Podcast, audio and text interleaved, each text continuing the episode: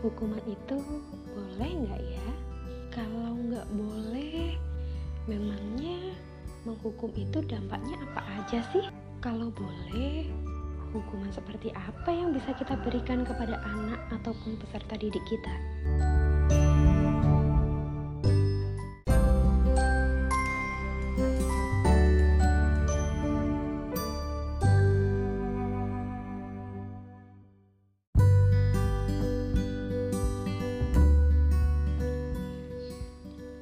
Sebelum kita menetapkan apakah hukuman itu bisa diterapkan kepada anak atau peserta didik, kita harus melihat sebenarnya kenapa dia bisa dihukum.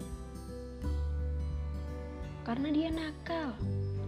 Oke, kita pilih lagi. Kenakalannya yang seperti apa? Apakah nakal di sini dalam artian anak selalu memberantakan rumah, atau dia mencoret-coret dinding, atau dia tidak mau membereskan mainannya, atau dia tidak mau mengerjakan PR-nya, atau dia berkelahi dengan temannya, atau hal yang lain yang selalu kita label dengan satu kata: nakal. Nah, satu kata ini, nakal itu tadi, yang seharusnya bisa dijabarkan oleh kita sebagai orang tua atau sebagai pendidik, sehingga anak bisa memahami maksud dari nakal itu tadi apa sih? Kegiatannya apa? Apa yang dilakukan sehingga kita melebeli anak atau murid kita sebagai murid atau yang nakal. Jangan-jangan itu hanya persepsi kita saja, hanya kita lihat dari sudut pandang kita sebagai orang dewasa. Tetapi kita mengenyampingkan bahwa mereka, anak-anak, peserta didik, punya perkembangan masing-masing dan di setiap perkembangannya selalu ada kekhasan masing-masing sehingga mereka pasti memunculkan sesuatu hal yang pada orang-orang dewasa di sekitarnya selalu melabeli dengan nakal. Kalau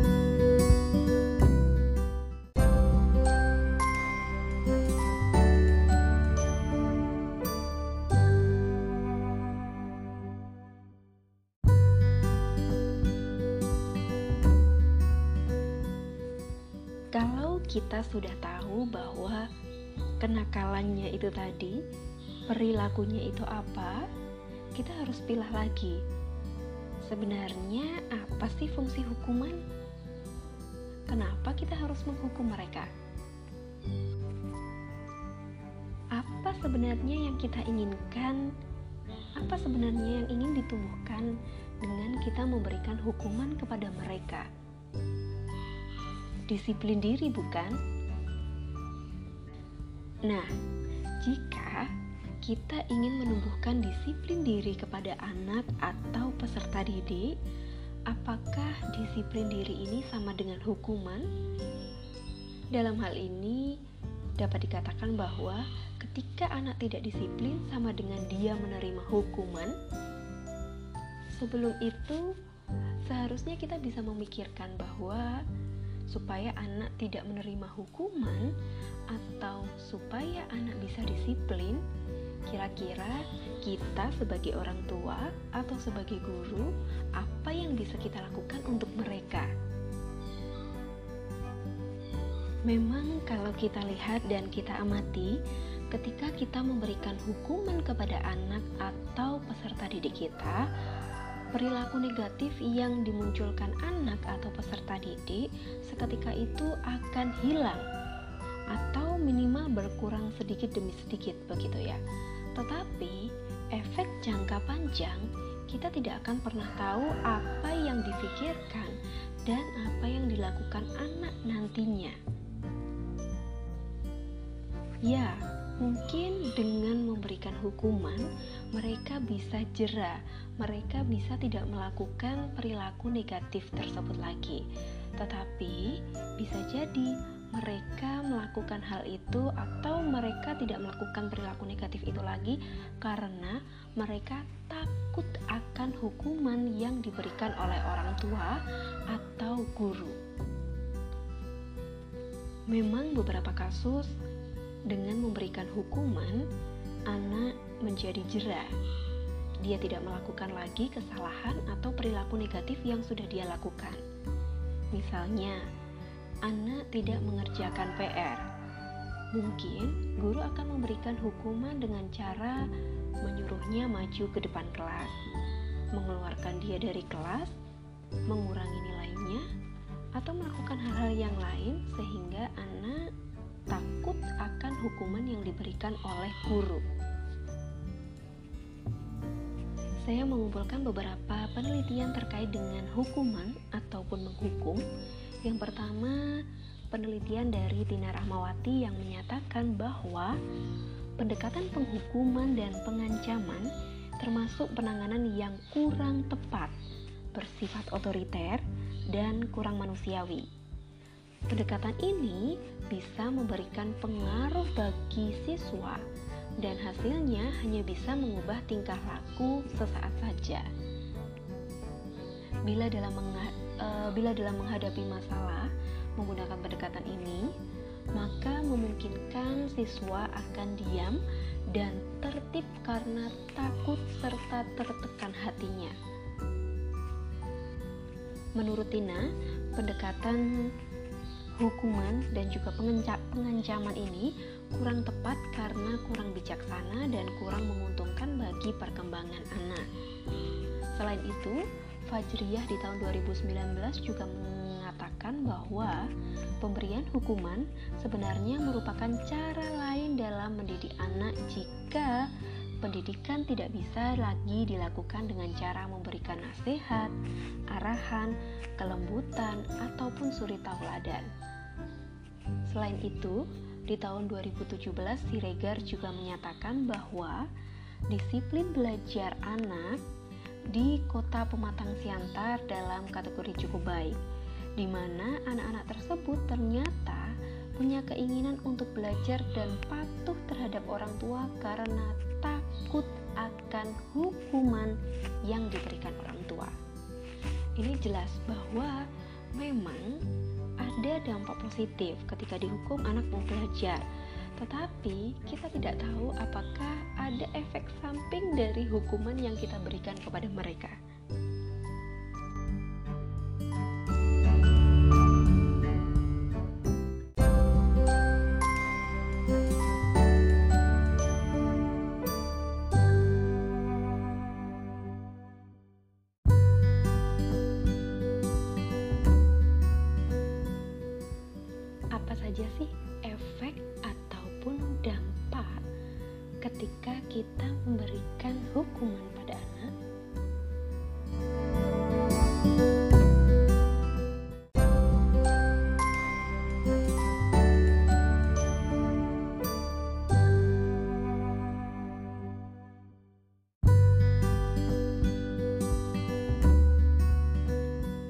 Ada beberapa efek samping ketika kita memberikan hukuman pada anak.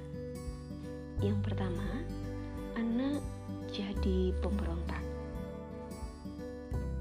Kenapa anak bisa jadi pemberontak? Ketika dia sering menerima hukuman dari guru ataupun orang tuanya, kemungkinan besar dia akan terus memberontak dari situasi-situasi yang terjadi pada saat itu. Yang kedua, anak jadi berbohong dia kemungkinan akan sering menghindari kesalahan. Misalnya saja, bukan bukan aku yang melakukan kesalahan, atau bukan aku yang memukul dia, atau enggak aku sudah mengerjakan PR kok bu. Padahal apa yang dia bicarakan itu tidak sesuai dengan kenyataannya. Dengan kita menghukum, memungkinkan anak menjadi seseorang yang penyendiri dan menolak untuk berkomunikasi karena dia merasa tidak nyaman ketika dia bertemu dengan orang lain, dengan guru, dengan orang tua, ataupun dengan orang-orang di sekitarnya karena kembali lagi ke poin 2 dia melakukan kebohongan untuk menutupi sesuatu hal selanjutnya anak akan tumbuh dengan ketakutan dan rasa bersalah. Bisa jadi anak akan terus membawa ketakutan-ketakutan dan juga rasa bersalah dari apa yang sudah dia lakukan sebelumnya. Dia tidak bisa berkomunikasi karena dia merasa bahwa ketika dia akan mengungkapkan sesuatu yang dia terima adalah hukuman, omelan, atau hal-hal yang lainnya, sehingga dia tidak berani mengungkapkan sesuatu. Ya, ketakutan dan rasa bersalah itu akan ada dalam dirinya entah sampai kapan itu. Dan yang terakhir, ketika kita memberikan hukuman pada anak, efek sampingnya adalah kemungkinan dia akan meneruskan lingkaran kekerasan dan juga hukuman itu, entah pada adiknya, pada anaknya, pada cucunya, pada tetangga, keponakan, dan lain sebagainya, yang seharusnya lingkaran ini bisa terputus atau diminimalisir.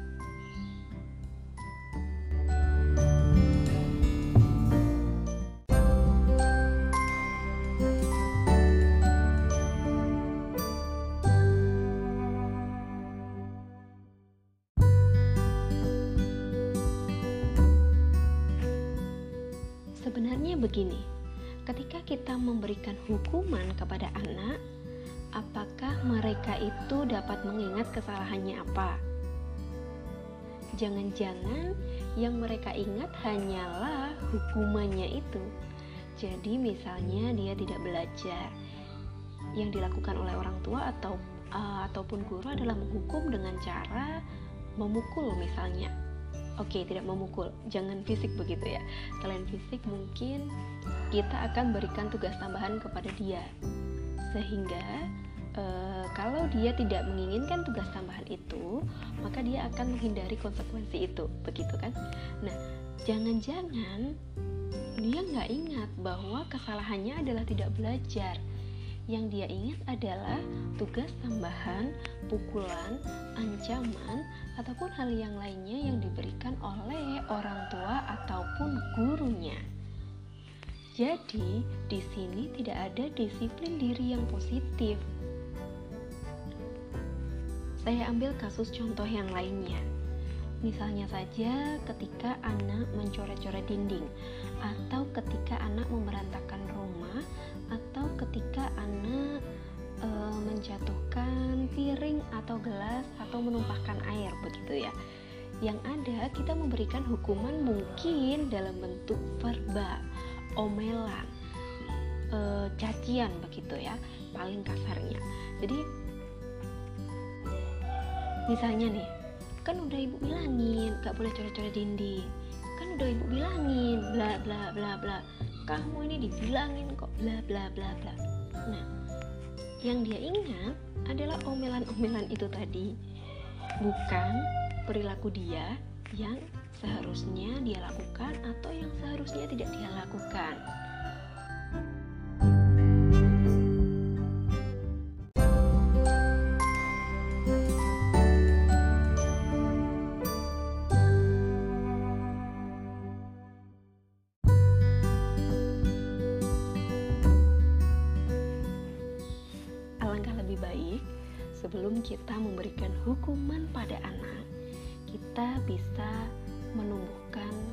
konsekuensi. Bagaimana dengan menumbuhkan konsekuensi? Misalnya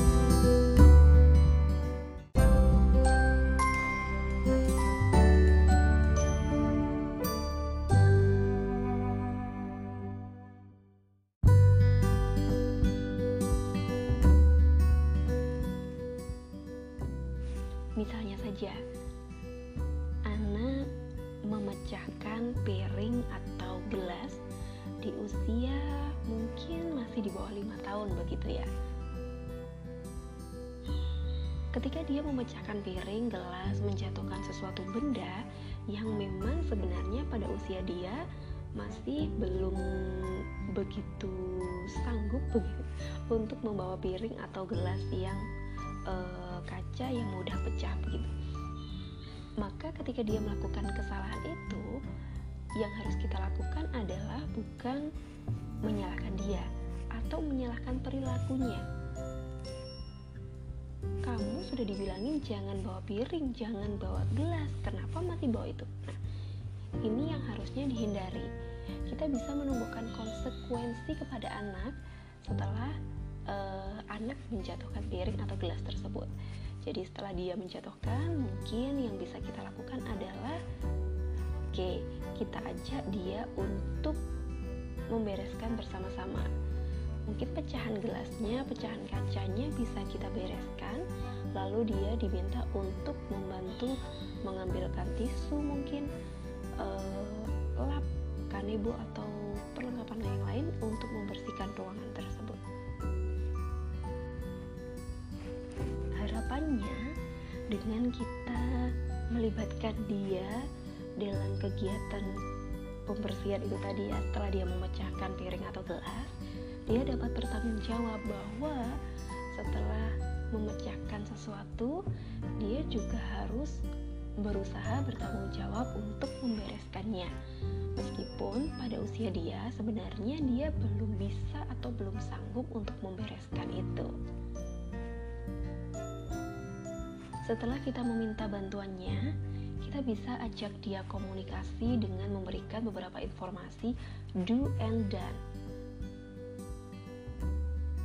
jadi, mungkin kita berikan informasi bahwa gelas atau piring itu adalah sesuatu hal yang mudah pecah. Dia harus berkonsentrasi supaya piringnya tidak pecah. Kalau pecah, konsekuensinya apa? Misalnya, kita jadi kehilangan piring atau gelas. Padahal piring atau gelas itu kan mungkin kesayangan dia, kesayangan kita, kesayangan kakek nenek, dan lain sebagainya. Konsekuensi yang lain apa? Pecahan kaca itu bisa mengenai dirinya atau orang lain. Konsekuensi yang lainnya sih apa? Mungkin ya kita harus membersihkan ruangan atau ada hal-hal yang lain yang itu kita buat untuk meminimalkan hukuman pada si anak. Contoh lain, dia menumpahkan air di sofa atau di karpet. Kebanyakan dari kita mungkin reaksinya adalah langsung memukul, mungkin menjewer, mungkin mencubit, mungkin akan memarahi dengan kalimat lembut atau sampai dengan kalimat yang kasar. Nah, kembali lagi seperti contoh yang pertama tadi, kita libatkan dia untuk membersihkan tumpahan air itu tadi. Minta dia untuk ambil tisu, minta dia untuk ambil lap atau hal yang lain. Kita ajak dia untuk membersihkan bersama. Setelah itu, kita beritahu konsekuensinya apa ketika dia menumpahkan air di sofa atau di karpet atau di kasur itu tadi. Konsekuensinya apa sih? Mungkin kasurnya jadi basah. Tidak bisa ditempati untuk sementara waktu atau hal-hal yang lain. Sehingga sebelum dia melakukan kesalahan itu, harapannya adalah dia tahu bahwa efek samping dari dia melakukan kesalahan itu apa sih? Ketika dia tidak mengerjakan PR, apa konsekuensinya? Ketika dia tidak belajar, apa konsekuensinya? Ketika dia mungkin mau main dengan teman, tidak tidur siang, begitu, kira-kira apa konsekuensinya? Selain menumbuhkan konsekuensi pada anak, kita sebagai orang tua atau sebagai guru usahakan untuk tidak mengulang-ulang kesalahan dia. Misalnya saja, ketika ayah atau kakek atau neneknya datang.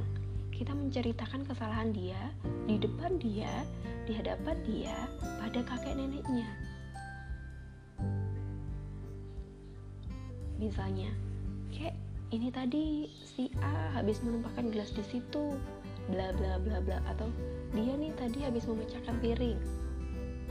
Nah, anak pasti akan merasa bahwa kok gitu aja dibocorin sih? Kok masalah seperti itu diungkapkan? Kan malu dan lain sebagainya. Nah dari pemberian konsekuensi dan kita tidak menceritakan atau mengulang adalah dari sini proses belajar akan diterima oleh anak anak akan tahu mana perilaku yang positif, mana perilaku negatif sesuai value atau nilai-nilai dari keluarga. Harapannya, ketika dia terjun di masyarakat, di luar sana, di sekolahan, dia lebih mempunyai disiplin diri yang positif.